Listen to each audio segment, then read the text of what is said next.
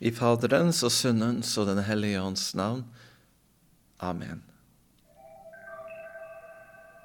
Vi leser fra Lukas evangeliet, kapittel 18. Da Jesus nærmet seg Jeriko, satt en blind mann ved veien og tigget. Mannen hørte at det var mye folk på veien, og spurte hva som sto på. De svarte han, Jesus fra Nasaret kommer forbi. Da ropte han, Jesus, du Davids sønn, ha barmhjertighet med meg. De som gikk foran, snakket strengt til han og ba om tie. Men han ropte bare enda høyere, Du Davids sønn, ha barmhjertighet med meg. Jesus stanset og ba om at den blinde skulle føres til ham. Da han kom nærmere, spurte Jesus ham, Hva vil du jeg skal gjøre for deg? Han svarte, Herre, la meg få synet igjen. Jesus sa til ham, Bli seende, din tro har frelst deg. Straks kunne han se. Han ga seg til å følge med Jesus og lovet Gud. Og hele folkemengden så dette, og de lovpriste Gud.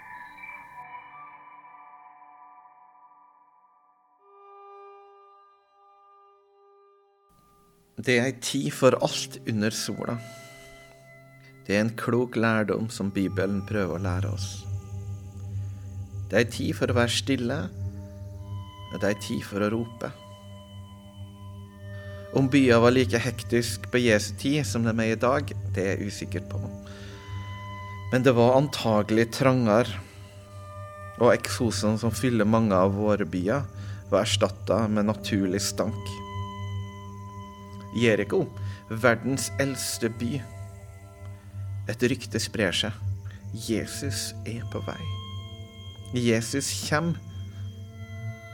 Den blinde, som folk flest prøvde å ikke se, merka det. Han merka spenninga. Kjenner kanskje nærheten av noe annet, noe hellig. Kanskje kjenner han på et håp. Når han får høre hvem det er som kommer, tar han mot til seg. Vanligvis så er det stillheten og ydmykheten som er hans strategi. Men nå er det ei tid for å rope. Det er ei tid for å bli sett. Og Jesus ser han. Han hører han, og han har tid til han. Og Jesus ser han, hører han og har tid til han. Hva om den blinde hadde hørt på dem som prøvde å stoppe han? For det første ville ingen av oss være klar over at han hadde levd. Hans historie ville aldri blitt fortalt videre og skrevet ned. Jesus ville gått forbi. Ikke fordi at han ikke hadde tid, men fordi mennesker ikke syntes det var noe Jesus skulle bry seg med. Det er tid til å være stille, og det er tid til å rope. Hvor mange ganger har jeg latt være å rope? Eller ropt når det var tid til å være stille? Eller hvor mange ganger har jeg tenkt at det her er det vel ikke nødvendig å bry Jesus med? Hvor mange ganger har jeg tatt valg som det ikke var opp til meg å ta? Hvordan kan jeg vite hvilken tid det er under sola? Det er en kunst å kjenne nåtida.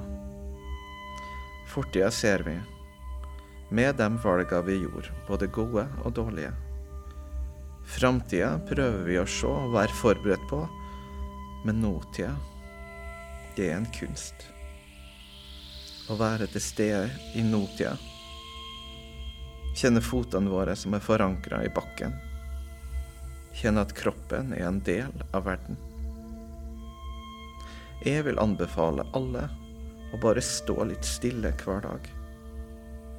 Stå i nåtida for å kunne være forberedt på å gå inn i framtida. Hvordan kan jeg vite når det er på tide å rope? Og gi deg sjøl ro. Til å bare være der du er. Den blinde mannen var antagelig på samme sted hver dag. Og plutselig var det samme stedet noe helt annet. Det samme stedet han hadde sittet og kjent så godt. Det var et sted i støv og skitt. Og nå ble det stedet her fylt av noe hellig, av nærværet til Gud. Det er tid for å være stille, og det er tid for å rope.